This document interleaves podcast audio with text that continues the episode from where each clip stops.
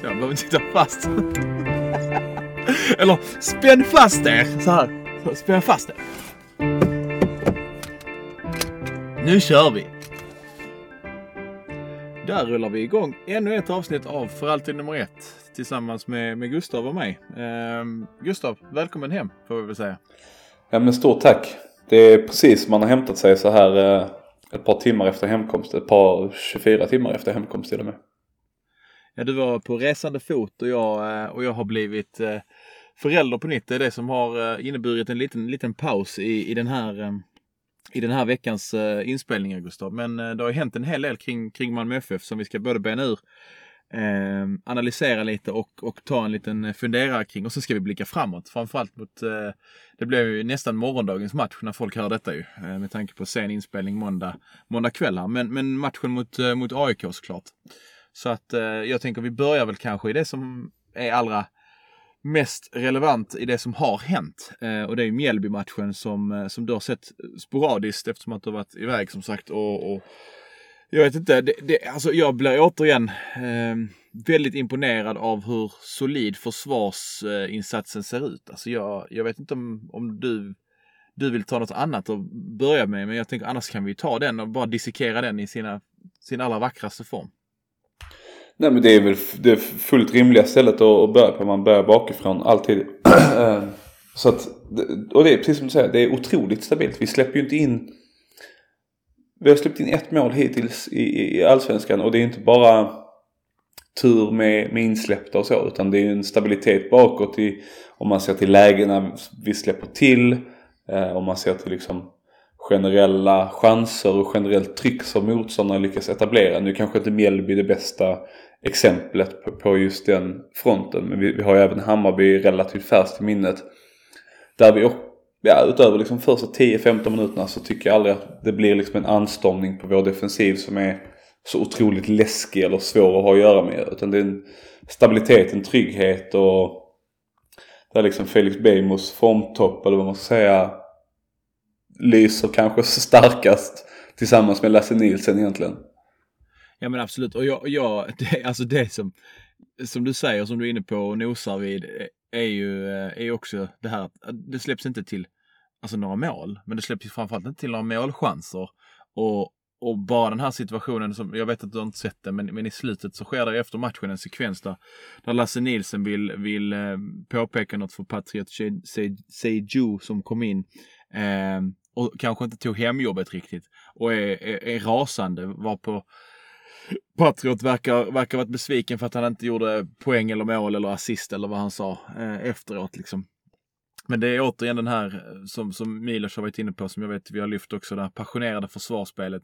Eh, vilket, vilket någonstans man ser på, på samtliga på banan, att man tar jobbet, man, man tar hemlöpet. Det blir liksom inga farliga kontringar längre som tidigare kunde uppstå för att man stod högt. Nu står man fortfarande högt emellanåt, men, men hinner liksom ofta hem med tre, fyra gubbar eh, Eh, extra och, eh, och försvara, alltså på, på ett passionerat sätt, med, alltså helhjärtat liksom.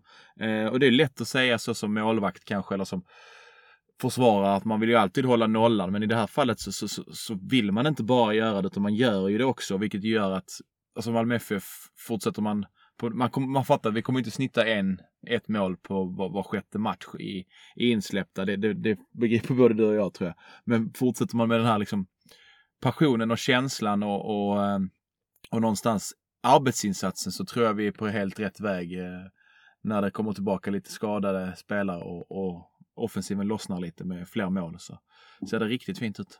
Nej men du är inne på en bra sak där med, med laginsatsen defensivt och, och om man tittar spelare för spelare på något sätt så är det väl kanske Toivonen på ett sätt som sticker ut i en eh, presssynpunkt som den kanske inte är den starkaste spelaren vi har och det visste ju alla sen, sen tidigare.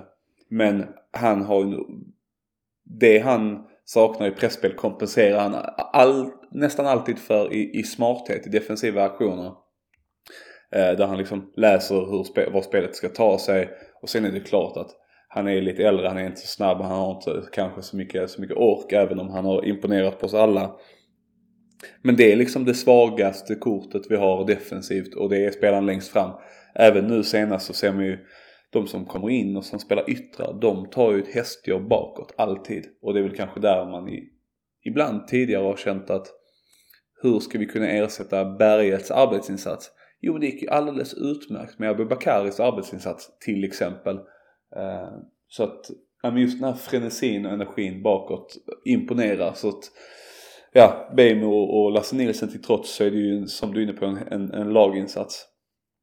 Men det är, det är en intressant aspekt där som, som, du, som du nämner Jola Toivonen. För att jag vet vi var väl lite oroliga. Vi lyfte väl det som ett eventuellt problem och hur skulle man lösa den, den ekvationen och få in honom i en elva med tanke på den enorma kvalitet han besitter. Eh, jag skulle vilja vända på det och säga att hans, hans liksom, smartness tillsammans med, om man nu får slänga sig med sådana engelska termer, om det är, om det är okej okay en måndag, efter, måndag kväll Gustav. Eh, nej men den här smartheten och eh, alltså fotbollsintellektet tillsammans då med, med, med Peña och ja, men, när AC spelar eller Erdal, det spelar liksom ingen roll vem du sätter där.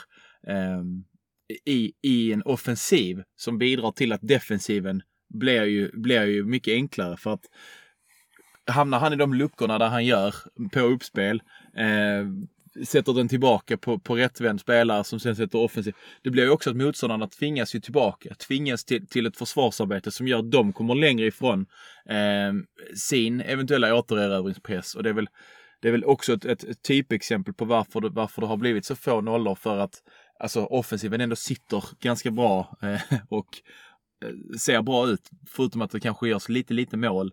Eh, är väl kanske det alla supportrar skriker om eh, att man skulle göra några till. Men, men jag tror att det är en stor faktor om man liksom tittar på det eh, analytiskt eh, med mina lekmannaögon. Jag vill bara ta avstamp i en spelare som du nämner där som inte bara att han är, han är duktig i defensiven eh, om än att han bjuder på vissa risker är ju Peña. Eh, för att den, alltså jag, jag tillhör ju den gruppen som alltid varit övertygad om hans kvaliteter. Eh, sen så tog det väl kanske lite lång tid innan det kom igång. Men nu tycker jag att han, han har liksom byggt upp ett sånt förtroendekapital hos nästan alla så att nu behöver han bara komma in i matchtempo, eller bibehålla det här tempot rättare sagt och kanske slipa på de allra sista egenskaperna. Men nu tycker jag han har kommit in i laget på så bra pass sätt. Han har bra samspel med nästan alla på planen. Eh, och, och, bara osar kvalitet om honom när han väl när han väl får spela så som han gör nu. Det är liksom passningar som, ja, jag ska inte säga att han har högst passningsprocent, för det tror jag definitivt inte han har. Men han slår svåra passningar, han eh, lyckas ofta med svåra passningar, han har lugn. Han kan ju pressas av två galna Elfs, äh, Mjällby-spelare och bara liksom se ut som, som, jag vet inte, som världens lugnaste och mest avslappnade människor. Det, det är en, är verkligen kul att se honom spela fotboll just nu. Ja, men för där kan du, vi kan bara dra en parallell. Vi ska inte sitta och... Nu har vi mött Hammarby också. Vi har väl inte pratat efter den matchen, eller det gjorde vi kanske. Det kommer jag inte ihåg. Skitsamma. Eh, men, men hur bra om Malmö FF där plockar bort eh, Loret Sadiko som ju varit jättebra i början av, av allsvenskan och varit den som har liksom varit navet i deras i deras eh, uppbyggnadsspel och deras, deras anfallsspel och försvarsspel för, förvisso. Eh, hur Malmö plockar bort honom i den matchen när vi spelar 0-0. Eh, och Kalmar gör ju likadant igår när de mötte, mötte Hammarby. Och jag tror att försöka göra det mot Malmö FF och plocka bort Penja det gör ju bara att Toivonen då får en annan typ av yta som, som, han, alltså som han ser utan att, utan att någon tränare för att jag menar det ska man väl ändå säga, Brännström har väl ändå, han var ut, utnämnd till en av de tre nominerade eh, årets tränare i april månad. Så att något gör han ju bra, de låg tvåa inför den omgången. Så att, eh, jag menar det, det finns inte en tränare som kan säga, säga eller stoppa det på plats eftersom att Ola och Penja och Eh, Lewicki, AC, Erdal, eh, alla de här spelarna, de, de löser det på plan och det är där, där den individuella skickligheten blir så oerhört stor och så oerhört bred när man eh, då har, vad hade vi, 9-10 man på skadelistan eller frånvarolistan och ändå eh, har sådana här extrema kvalitetsinsatser på, på många spelare. Liksom. Eh, det, är, det är sjukt att se. Alltså det är så, så grymt. Men jag... Det var ju någon, eh, det var ju, vad heter det, Fans Corner för en tid sedan som Alex Axén, Alexander Axén sa eh, om Lewicki att det händer ju ingenting när han har bollen. Så jag förstår inte varför MFF spelar med honom. Eh, och jag tycker egentligen du svarar på hela den biten i, i vad du sa precis att nej, Lewicki med boll är kanske inte det mest exalterande i Allsvenskan. Det är kanske inte där det händer som mest. Men i MFF så fungerar han ju som en spelare som, som gör alla andra tillgängliga. Han, ja men säg att Penja skulle vara väldigt hårt tagen en match och liksom knappt få, få utrymme med bollen. Ja men då kan, har vi Lewicki som kan föra den vidare från defensiv, från backlinjen till, till Toivonen, till Nanasi, till eh, eh, Birmancevic eller vem det nu är. Så att, eh, ja men bara som, som får knyta ihop den här säcken eller vad man ska säga så jag än så länge så är jag imponerad av helheten trots att du som, som du säger att vi har tio skador på tunga spelare så tycker jag att vi har fått ihop en, en både fantastiskt bra defensiv eh, och en ganska bra offensiv som man bara liksom den har ju kanske styckats lite mer och hackats upp lite mer men, men där man ändå ser väldigt tydliga och betryggande tendenser till, till att bygga vidare på under resten av säsongen. Ja men det, det, där har du en poäng för jag tänker att, att det, jag hade varit så mycket mer orolig som både pessimist och, och, och fotbollssupporter i, i, i grunden. Eh, om inte försvaret hade, hade suttit på samma sätt. Alltså så som det delvis kanske kändes lite förra året. Att, att det var lite svajigt, det var mycket insläppta, det var lite skitmål i slutet. Eh, stänga matcher kändes inte som att vi gjorde en enda förra året egentligen. Jag kan inte komma ihåg någon på rak arm så här. Och i år känns det som att vi har stängt samtliga när vi, när vi liksom har haft möjligheten. Det var inte så att man satt och var orolig när det stod 2-0 till Malmö igår i 70 vilket man kanske tidigare om motståndarna har fått ett litet tryck har varit eller fått några hörnor eller fått någonting. Nu är det liksom, det är inte ens, det är inte ens en tillstymmelse till, till, till målchans på hörna ens. Alltså man är ju hur lugn som helst och det, det blir både på gott och ont, tänker jag, ur, ur, ur ett, supporter, eh, ur ett supporterhjärta. För jag menar den dagen det börjar gå lite knackigt, eh, två matcher i rad, då, då kanske man sitter, och, sitter här i, i, i den här podden och svär och, och tänker att allting åt helvete. Men just nu känns det väldigt, väldigt bra att vara MFF trots, till trots den här långa skadelistan. Liksom. Um, Ja, nej men jag vet inte om du har något mer om det, men jag tänker annars är det ju en till, eh, eller två till spelarinsatser som jag bara vill, vill framhäva, som jag vill lyfta lite grann, eh, som vi också varit inne på. Nej men hur, hur Birmancevic skulle ta den här petningen efter, eh, efter att ha blivit petad av Sören Rex. Ehm, och det måste man väl säga att, att det osar ju klass om avslut, det osar klass om, om, om ja, men mycket, mycket kring, kring honom igen. Ehm, bör man, bör man skönja den här, den här höjden han han bevisade förra säsongen att han besitter. Så att eh, jag tror att det var rätt att låta honom spela, spela, spela i början och sen eh, när det inte gick så bra så får, man lov att sätta sig på läktaren och visa andra, eller kanske också få andra visa för honom att, att vi finns här och tar, tar jobbet när det inte går så bra. Eh, fortsätt jobba, nöt på på träning och sen så liksom hitta självförtroendet och, och det hoppas vi verkligen han har gjort nu. Ja, verkligen. Och det målet som lyder på det är ju klass rakt igenom även, eh, även spelet generellt, det jag har sett eh, av matchen här nu var ju tempo på ett helt annat sätt. Och visst, allting lyckas inte. Alla dragningar lyckas inte och ibland blir han läst och ibland tappar han bollen. Men överlag så såg man ett mycket mer självförtroende när han eh, tog sig runt försvararna, när han sökte boll. Eh, och det finns, eh, det var en situation som jag tänkte på när jag såg den som var så imponerande på något sätt i, i den lilla liksom lilla aktionen och det är när han tar sig förbi deras back som försöker täcka ut bollen och klackar den på honom och får med sig en hörna.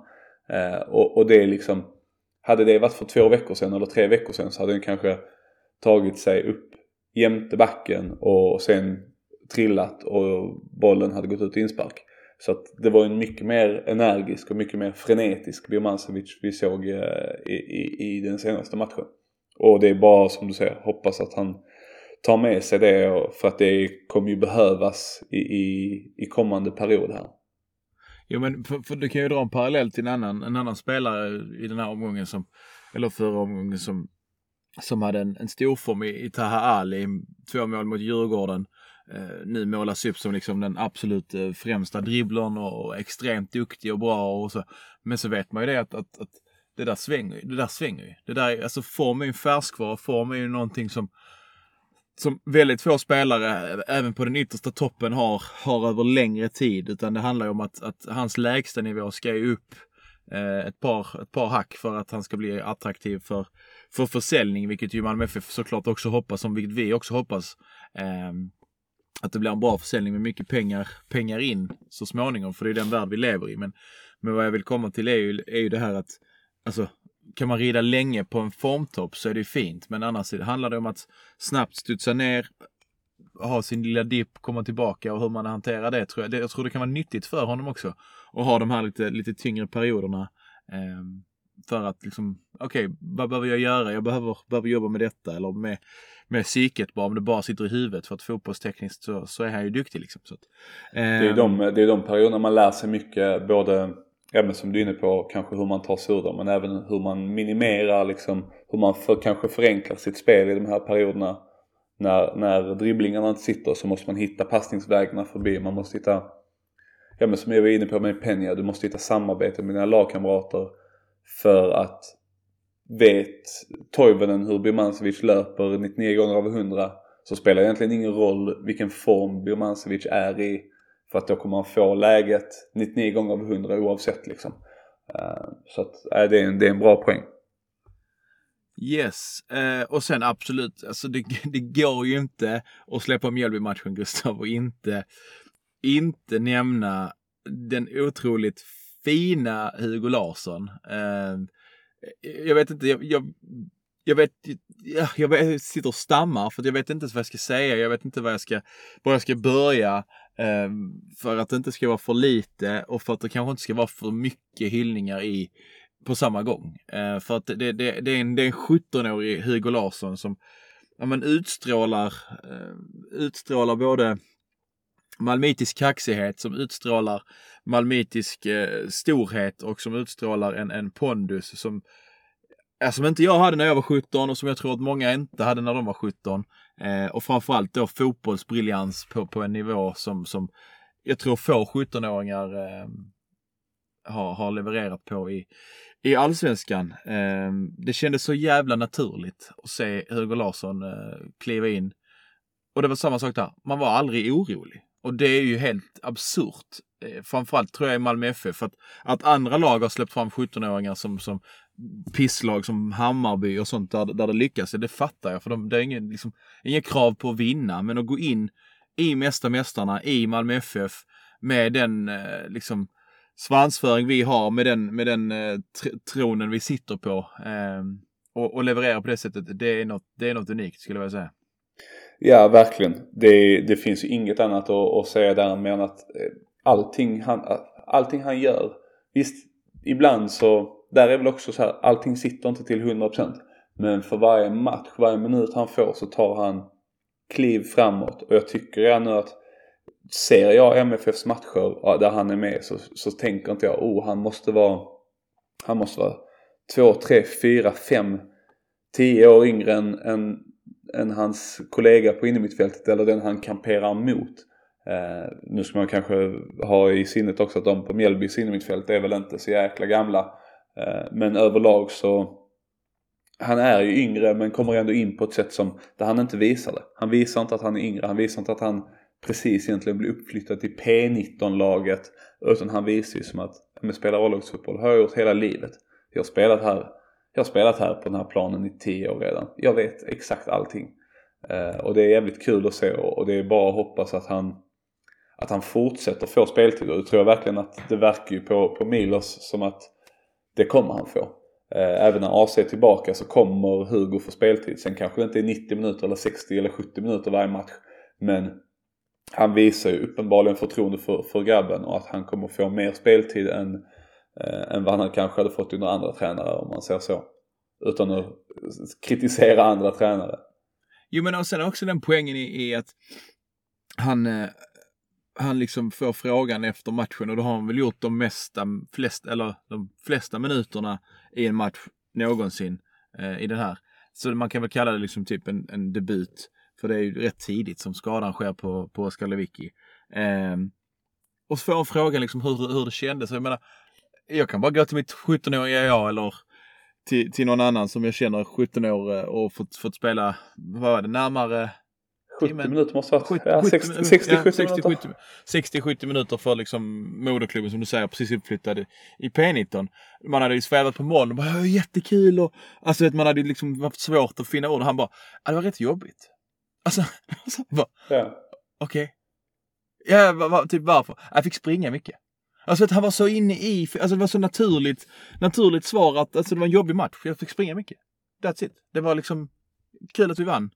Eh, otroligt imponerande som sagt. Och, eh, och som, som, som du och ja, både jag också varit inne på och, och nosat vi här är ju att menar, ser vi hans namn mot, mot Sebastian Larsson på innermittfältet på, på onsdag så det är inte så att man, man tänker, man tänker oh, spännande, hur ska det gå? Men det är inte så att jag sitter och skiter ner mig direkt. Utan eh, det, det hade jag nog fan fixat det med alltså. Det är jag övertygad om. Ja, verkligen. Och det, det är på något sätt det, det är det som är det svåra som du var inne på precis med att vara talang i MFF. Att kravet här är att vi ska vinna matcher. Kravet är inte att vi ska vara sköna, att vi ska ha, ha det kul eller att vi ska liksom släppa fram de yngsta spelarna, att vi ska sätta rekord i yngsta målskytt, yngsta spelare, yngsta målvakt och så vidare. Eller legendens son. Ja men precis, kravet är att vi ska vinna matcher och då kan man inte Eh, generellt sett, då kan man inte chansa med de yngsta spelarna bara för att ja, det spelar ingen roll om vi förlorar med 1-0 eller om vi kryssar eller om vi vinner. Eh, och det är där det är så kul att se Hugo för att där känner ju inte jag och jag tror alla håller med mig här att det känns ju inte som att vi går ner 10% i kvalitet med honom på planen jämfört med ja, kanske mot, mot AC och Peña som är allsvenskans två bästa spelare typ. Men ja, det är inte det är ett enormt kvalitetstapp liksom. Nej men och sen är det den också, alltså som du är inne på. Jag menar, hade vi haft alla spelare tillgängliga, då hade han ju inte spelat. För då är det så många bra spelare som, som går någonstans före, som både har åldern, eh, alltså åldern eh, mot Hugo om vi säger så. Eh, men jag börjar ändå tro att nu med tanke på alla skador, eh, med tanke på hans framfötter, så är det inte lika självklart att han liksom ska sättas utanför en, en 16-mannatrupp eh, även när, när alla är tillbaka. För det kan vara att den, den, den, den uh, ungdomliga hungern kan överträffa i viss mån eh, inställningen hos en spelare som ska åka till Värnamo borta för, för eh, femtonde gången, inte Värnamo borta, men du vet en sån typ av match. Eh, Varberg borta eller något sånt. Där, där, man, där man liksom märker på träningarna innan att, att men Hugo är vassare, Hugo vill mer, Hugo är på väg fram. Liksom. Så att jag, inte, jag skulle inte vara förvånad om det, om det fortsätter vara att Hugo Larssons namn står i matchtrupperna. Ehm, och jag vet inte, ska vi glida över där? Ehm, lämna den fantastiskt fina Hugo och glida över till just matchtrupper och eh, matchen mot, eh, mot AIK Gustav på onsdag. Vad eh, vad, vad, vad hatar vi mest med AIK? Uh, ja, det finns så många saker att ta vid här egentligen. Uh, det är väl uh, allt ifrån liksom hur de, hur de agerar både spelarna och supportrarna och, och, delar av klubbledningen. De tror att de är störst, bäst och vackrast. De tror att allting de gör är, är det mest korrekta och att de har, kan gå med rak rygg.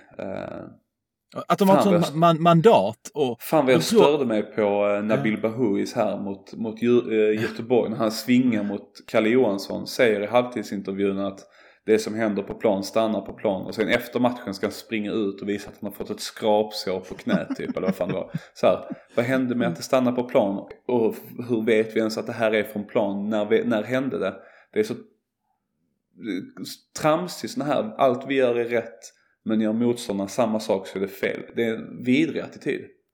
Ja, men det var det jag skulle säga, det här, det här mandatet som de tror sig ha att att slå på den stora trumman varje gång. Att, eh, om det så gäller supporterkampanjer eller liksom flest medlemmar eller vad det nu kan vara. Det mandatet tror de sig besitta. Men jag menar, det finns ju ingenting, ingenting som de gör som, som där, där de kan titulera sig liksom bäst i landet eller störst i landet eller, eller vackrast i landet. Det, det må vara kanske eh, en, en tröjlanseringskampanj med Nike, men vad fan är det liksom att hänga i granen när man, när man ska spela fotboll på, på planen och Nej, jag vet inte. Jag, jag, eh, det är mycket man, man starkt ogillar och eh, rent av föraktar med huvudstadsklubben. Eller nej, just det, de är från Solna. Men det är kanske ett ja. annat avsnitt. Men, men det är också kul det här med, med det supportermässiga för att det finns två saker som är värda att uppmärksamma här egentligen som, som är så konstiga på något sätt. Eh, det finns ju, det, det är alltid supportrar som sätter sig på den, den högsta hästen och tror att allt vi gör är rätt. För att ja, men vi har ingen trumma och vi har inget PR-system och vi har inga eh, OH-flaggor utan vi kör alltid unika coola tifon eller vad fan det nu kan vara. Men den senaste tiden har vi haft den här Gudetti-låten eh, som de kör inför match nu senast. Jag bara sitter och tittar på det klippet när det kommer ut. Nej, det här är inte det här är inte kredit liksom. Det här är ganska bull och sitter och hylla en spelare som gjort noll minuter i klubben. Han har, alltså ja visst han har tränat där några somrar när han har haft uppehåll någon annanstans. Men han är 30 och har gjort noll minuter i klubben. Eh, lugn er! Och det gäller ju såklart även när MFF-are ska hylla typ malmöiter som aldrig har spelat i MFF. Det går ju åt båda vägarna. Så där är jag öppen och transparent. Men sen det jag stör mig på mest är den här eh, PA-diskussionen som har blommat upp nu. Eh, där liksom kritiken är befogad och det här kommer gå samman lite med en annan, eh, den här spelschemepubliken och att det är anpassat efter, efter tv-publiken. Ehm, men när deras Capos PA-system är uppmickat till tusen och man ser, fan vad bull det är när man hör, hör en, en person som skriker in i en mikrofon mer än allting annat. Då måste man kunna ta den kritiken utan att ta det som en attack på AIKs fotbollsavdelning. Eh, utan att bara säga som ja men det kan, kan vara en ganska bull grej att man hör liksom en, en mikrofon i, i 90 minuter, inget annat. Det var en lång, det... lång besviken rant där om, om allt möjligt och inte ja, så mycket men... MFF-relaterat men fan vad jag avskyr dem. Ja. Nej men och det, jag vet inte riktigt vad man ska ta vid där heller. Det, det... Byt bara ämne. Det...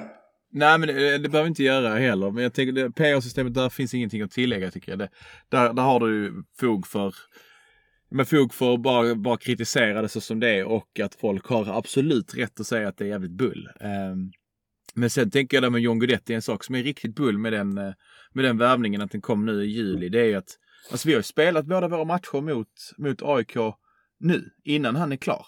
Alltså, liksom bara måtte han hålla sig skadefri på riktigt så att vi får trycka dit, trycka dit aset nästa år eh, i två matcher eh, och visa att, att alltså, hans hybris och eh, supportrarnas hybris kring den här John Guidetti, den är liksom bara någon det är, det är som ett luftslott som kommer att spricka. Eh, så det står härliga till. Um, ja, det är lite synd. Det, det, det gör lite ont i mig att vi inte får, um, får förnedra um, AIK med John Guidetti um, i två matcher i år. Utan att vi får göra det två, förhoppningsvis göra det två matcher um, utan John Guidetti. Men, men vad säger du? du? Den matchen är ju 19.00 onsdag. Jag vet du ska inte upp till Stockholm. Och, Nej, det ska jag, jag tänk, och jag, och jag tänker att som nybliven tvåbarnsfarsa så är det lite svårt också um, och åka upp. För bli, eh, för, den skulle lägga till sommar. Det hade varit perfekt. Eh, blev tyvärr flyttad på grund av Europaspel. Men skit i det Gustav. Vad va, va är känslan? Eh, jag såg någon statistik innan vi skulle börja spela in här. Erdal Kip har väl ett par matcher utan förlust och han är tillbaka. Så att eh, bra avstängning, säger jag. Ja, verkligen. Nej, men generellt känslan är väl Känslan är, är, vad ska man säga, bra på ett sätt. På ett sätt så är jag lite eh, orolig för AIKs inställning till den här matchen. För att, som, som du precis var inne på, det är andra mötet i år och det är, vad är vi, åtta omgångar in. Det blir åttonde allsvenska matchen för i år. Eh, det är ganska lite och med tanke på att vi tvålade dit dem för, vad är det, två veckor sedan? Mm. Så, så tror jag, eller jag tror det finns en risk att man får ett AIK som riskminimera Som spelar på ett sätt som, som syftar till att vi ska gå härifrån med 0-0. Vi ska inte åka på 3-0 igen. Vi ska inte bjuda in MFF i matchen och jag tror att det kan bli en, ett ställningskrig Eh, där man egentligen bara står och, och stångas mot varandra på mittplan och inte kommer någonstans. Eh, för att även om AIK är ett defensivt lag så, så kom, går de ibland framåt och blottar sig bakåt. Jag tror de kommer, jag har en känsla av att de kommer försöka minimera det i den här matchen. Eh, så att det kan bli tufft på det sättet. Ja, men det är ju, alltså det är ju, det är ju någonting som du, som du är inne på där som jag tror kan, eh, kan absolut bli faktumet. Och det, det känns som att, alltså det lag som skulle kunna dra nytta av att det blir lite, ja men tillbaka tryckt och bra försvarsinsatser på två håll. För det, det, det måste man väl ändå säga att AIK efter Malmö-matchen har ju sett bra ut. Eh, de hade väl ett derby och sen var det nu senast mot Göteborg. Eh, och jag tittade lite på båda de matcherna och eh, och det är ju, det är ju ett bättre försvar. Sen är det kanske så att de är två sämre lag. Det vågar jag inte uttala mig om. Där, där får andra experter som har eh, sett mer fotboll av alla de här lagen uttrycka sig. Men, men eh, alltså, det, det lag jag tror skulle kunna ha lite nytta av det är tyvärr AIK. Eh, just för att jag tror att de är lite snabbare med Stefanelli, Jordan Larsson i omställningar. Lite mer kvalitet i, i omställningar. Vi, vi såg ju nu senast när Nasi kommer fri och han känns ju som att han har inte riktigt självförtroende. Eh, frågan är kommer han, kommer han spela eller kommer vi få tillbaka Sören Rex eh, eller Berget? Ja, det, det, det, det, det är vaga uppgifter också på Berget och AC om det gällde den här matchen eller om det var bara misstolkningar med Milos, Milos eh, Eh, i språket där. Jag vet inte vad det, vad det var Gustav men, men eh, jag vet inte. Det, det, det känns som att Gör, gör vi ett tidigt mål så kan vi nog, eh, kan vi nog eh, ha ett riktigt fint utgångsläge, kunna ligga lite på rulle eh, som det så fint heter. Men, men att kunna ställa om och kanske då straffa dem. För jag tror att om vi, om vi behöver föra matchen att AIK leder och de försvarar så tror jag att det kan bli ganska tufft. Det är de ganska starka på när de dessutom då har sitt, sitt hemmastöd som ju är helt okej. Okay. Ja det får man säga, men det är, det är ju där som det är så skönt att, att vi har spelarna som, som, som har nycklarna och låser upp även de, de tuffaste försvaren. Ehm, så att på, på, ett sätt så, jag tror det kan bli tufft för jag tror de kommer riskminimera men samtidigt eh, nu verkar det också som att Peña skjuter in sig lite för, för varje match som går. Han hade ju ett, eh, ett tungt skott nu senast så att Eh, kan bli ytterligare ett hot framåt om man säger så. Eh, vi har nycklar att låsa upp ett, ett tufft försvar. Eh, nu gäller det bara att vi ska göra det också. Och det, det tror jag kommer sättas på prov här på onsdag. Absolut. Jag vet inte, ska vi orda så mycket mer om, om själva matchen? Startelvor och sånt känns som att det är lite, lite, lite svårt att dra när man inte vet vilka vi, vilka vi kan tänka oss tillbaka. Men, eh, nej, men som sagt, jag tror, jag tror också att, eh, jag hoppas att publiksiffran blir, eh, blir ganska bra där. Och jag hoppas ju innerligt att det inte är någon publik ovanför. Det visade de ju tydligt AIK nu att det kunde de ju, kunde de ju undvara göteborgarna och ha folk ovanför som kastade ner, ner grejer. Så, så, för jag vill inte ha någon malmit eh, som får en stol i huvudet av våra egna. Det hade varit förkastligt. Ja, äh, det vore verkligen trist. Det, det är kanske någon som lyssnar på detta som i värsta fall kan lägga ut ett klipp eller något på hur man bäst kastar en stol. Uh, nej, nej, nej, känner... inga, stol, inga stolskastningar. Vi får inte uppmana till, till olagligheter och sånt som folk inte gillar Gustav. Det har vi gjort och då har vi fått försvara oss tidigare. Uh, nej, men jag, du, du var inne på en grej tidigare. Jag tänker att vi ska rabbla på, uh, på lite längre Gustav, när vi ändå sitter och spelar in. Eh, och det var ju spelschemat. Det var alltså, när man, när man satte sig inför helgen och, och, eh, och skulle kolla när, när spelar de andra lagen. För jag visste ju att vi, eh, vi gick ut på lördagen och sen så tänkte jag, vad är det på söndag? Eh, två matcher. Båda 17.30. Man var så, hur fan tänkte de där på Svenska Fotbollförbundet och Discovery? Alltså, jag förstår, jag förstår att man liksom slåss med Premier League om tv-tittare och att man kanske inte kan lägga det samtidigt som några stormatcher där. Jag har ingen aning om vad det var samtidigt. Men, men man måste ju också tänka så att du, du drabbar ju din egen produkt om du lägger två matcher ifrån samma liga som du sänder samtidigt. Och sen var det ju fyra matcher idag. På måndag.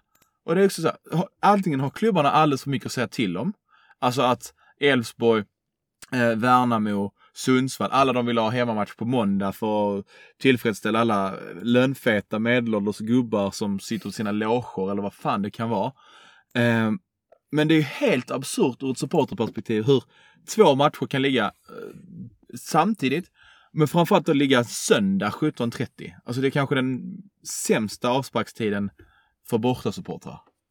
Ja men det, det, är så, allting är så konstigt för att i, ibland så känns det som att jag vet inte om det är Discovery, Svenska Fotbollförbundet, klubbarna själva som försöker skapa någon slags tv-produkt av allsvenskan. Det är det det ska vara till för. Det ska vara till för att sitta och kolla på tv. Men på samma gång, precis som du är inne på, så för att ha en bra tv-produkt så, så måste du kunna liksom göra så alltså många som möjligt nöjda och då ha som du säger matcher som går ja, men konstant samtidigt eller på konstiga tider eller så. Det går inte ihop i mitt huvud för att antingen så spelas jättemånga matcher samtidigt eller så spelas de på eh, stormatcher spelas på, på vardagar med långa, långa avstånd eller på eh, ja, konstiga tider och så vidare. Så att jag, jag bara sliter mitt hår när jag ser spelschemat. När man tittar på, på livescore, man ser eh, inte bara engelska, spanska, italienska ligan spela lördag, eh, lördag, söndag liksom. Utan man ser även danska, belgiska, holländska och så vidare. De har rimliga matchtider som gör det enklare att ta sig till matcherna, ta sig och se, dem, se många matcher och så vidare. Allsvenskan har såhär, ja men vi har fyra matcher på tisdag. Hur, hur går det ihop? Jag förstår ja, jag, inte. Nej, jag, jag begriper Jag blir inte klok på det heller. För men, alltså, lek, lek med tanken att du gör som i alla andra ligor. Att du har eh, tre lördagsmatcher som ligger 13.30, 15 och 17.30 eller vad det kan vara. Där, där, något sånt intervall liksom. Ja, då har du studiotid som du kan ha, ha igång från, Eh, från 13 till Alltså efter 17.30 matchen så, brukar den kanske sluta i vissa. Men då kan du ju snacka mellan match 1 och 2, mellan match 2 och 3 om de andra visar highlights och, och hela den biten och analysera och, och så. På samma sätt kan du göra på söndagen. Lägg det för all del en timme tidigare så att, så att bortasupportrar kanske tar sig upp lördag kväll, eh, se en match 12.30 och sen åka hem. Så man är hemlig, hemma i anständig tid oavsett var i landet du ska på match typ. Eh, och sen då snurra på det här schemat med, med två måndagsmatcher 19.00. Eh, snurra på det, så får alla lag lika många. Två hemmamatcher 19.00, två bortamatcher 19.00 på måndagar.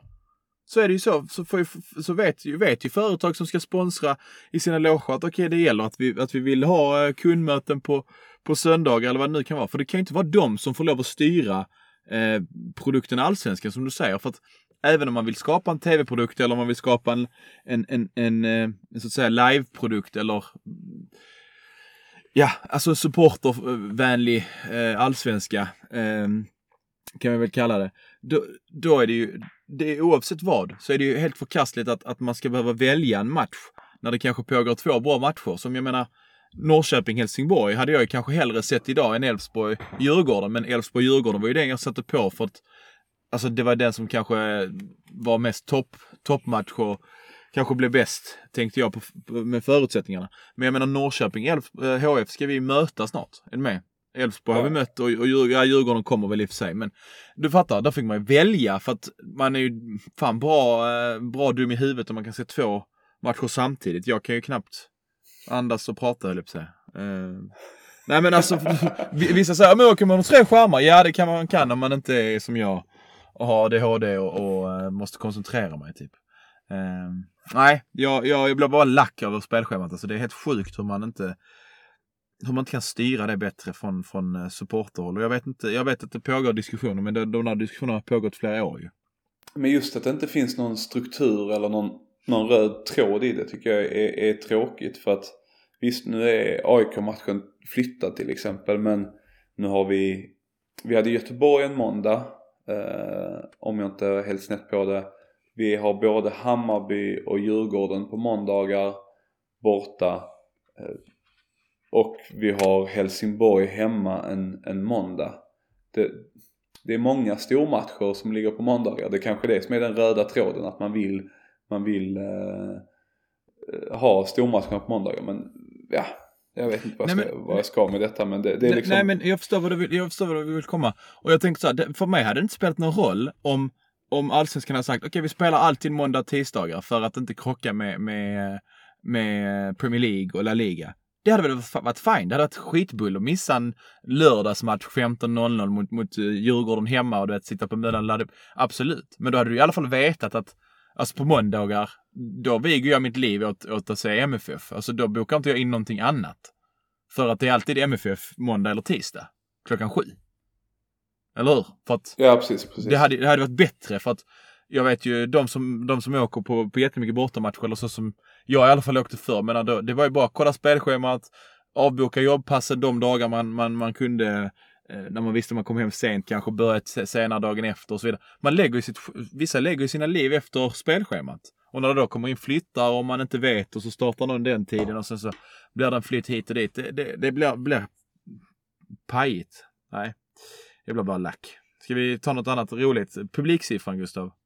Ja, det kan vi faktiskt ta. Det har ju folk önskat att vi skulle prata lite om. Våra första, första matcher här på säsongen. Med, och det har varit mycket publik på dem kan man ju minst sagt, eh, minst sagt säga.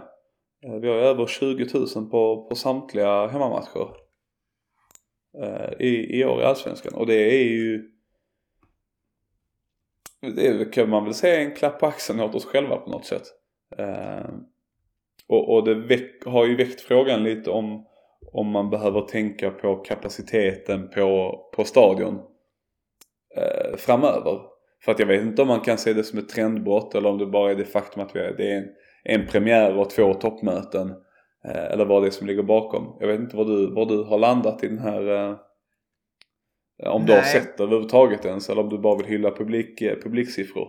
Nej, nej men jag, jag, har, jag, har, jag har sett det. Eh, och eh, och jag vill liksom dra det så pass långt tillbaka att, att eh, nu hade vi förvisso en, en pandemi som, som ställde till det, men sen, sen publiken blev tillåten eh, där den 3 oktober i, eh, i förra året, Gustav, så, mot Mjällby, den förlustmatchen vi hade ju där för övrigt, så har det ju varit, eh, varit över 20 000 i alla matcher. Eh, så det är inte bara denna säsongen som har startat bra eh, rent publikmässigt, utan nu var det väl en guldmatch och det var AIK. Så att det, det, som du säger, det kanske också bara är tillfälligheter. Det kanske också bara är eh, nyhetens behag, om vi kan kalla det så. Eh, efter pandemin också som då eh, låg kvar som ett, som ett litet täcke. Ehm, Eh, men, men jag vill ju absolut eh, lite längre fram diskutera, eh, diskutera ehm, det här, möjligheten. Möjligheten om man ska bygga stadion eller ja, om, det, om det rent krasst går, hur skulle det se, se, ut? Hur Finns det en framtida plan någonstans eller någon, någon, som, någon som inte är supporter och tycker att, uh, inget illa mot, mot oss som supportrar men finns det liksom en, en uh, en plan av MFF och, och något byggföretag att så här, så här hade man kunnat göra det. För att supportrar lägger fram sina olika förslag är alltid fett. För då gör man det med, som, med supporterskapet i bakgrunden eller vad man ska säga. Men det hade varit intressant att veta hur, hur MFF ser på, på, på framtiden om det här fortsätter, om intresset fortsätter. För man vill ju inte bara att det landar i ett eh, man vill, jag vill ju inte bara att det landar i att så här, intresset är högt, nu höjer vi priserna. Utan jag vill ju att det ska landa i eh, intresset är högt. Hur ser vi till att vi kan bibehålla intresset, göra det bättre och enklare för fler och, och komma och se, se MFF? Ja, ja, alltså det, det, det, det absolut bästa och vackraste och, och, mest kanske, jag vet inte malmitiska, men, men någonstans hade det väl varit att eh, vi sänker priserna. Eh, vi sänker priserna på, på, på årskort och säljer ännu fler årskort och vi bygger ut arenan eh, eller stadion eh, inför, inför 2024 liksom. Eh, och så under tiden det är en byggarbetsplats så, så, så blir, det, blir det billigare. Eh, men sen kan vi släppa på fler till, till det här låga priset eller lite lägre priset. Just för att man inte behöver pengarna. Men det är kanske naivt att tro också för att någonstans behöver Malmö FF ha sina intäkter och det behöver vara en rörelsebalans som, som går ihop. Men, eh, men som du säger, det finns ju fräcka, fräcka liksom eh, utbyggnationer. Eh, men jag vet inte om, om liksom ett första steg ens eller om det kan vara så att ett första steg skulle kunna vara att, att göra den här klassiska tårtbits, eh, tårtbitsindelningen eh, som finns på en del bortasektioner i, ja, men runt om i Europa där man har varit Gustav. Att eh, istället för att ge bortasupportrarna en, en i princip hel, hel kortsida emellanåt i vissa matcher. Eh, ge dem liksom en, en hörna eh, från hörnflaggan och, och liksom rakt uppåt. Så man får mm. liksom mm. ett större etage på, på, på övre. På något sätt bygga om det för att kunna ha eh, Malmöpublik på, på, på motsatt kortsida till då låga priser. Men jag tänker så här Gustav, att kan vi inte låta den här bollen sväva lite och vi, vi, vi liksom avslutar dagens avsnitt med detta eh, och återkommer lite och ser om vi kan jaga fatt i någon som, som kan besvara frågan från Malmö FF eh, vid tillfälle om vi får chansen att och snacka med någon eh, om detta. Jo men det tycker jag vi, tycker jag vi, eh, vi gör. Så, eh, så håller vi eh, avsnittet där för idag och Ja, ni har ju hört vårt eh, lilla förakt mot, mot AIK. Vi hoppas ju innerligt att när vi spelar in nästa avsnitt som är någon gång efter AIK-matchen. Vågar inte lova någonting i dessa tider Gustav. Men eh, då, eh, då hoppas vi såklart att vi är tillbaka i lika glada miner och en lika fin försvarsinsats och att vi kan hy, eh, eh hyga, hyga Hylle Larsson. Hylla Hugo Larsson. Nu börjar jag bli jävligt trött här Gustav. 50 minuter in i samtalet. Nej men hylla Hugo Larsson och eh, Sergio Peña för vars eh, ett vackert mål mot, eh, mot AIK. Ehm, det, det, det hoppas jag fått se. Jä, jävla flummigt det där blev. Men... Nu ska, du få, nu ska du få starta bilen och köra hem känner jag. Eh, det ska bli skönt för dig. Men eh, med det så tackar vi för idag. Så hörs vi igen eh, senare. Ha det gott! Ha det gott! Hej! Hej!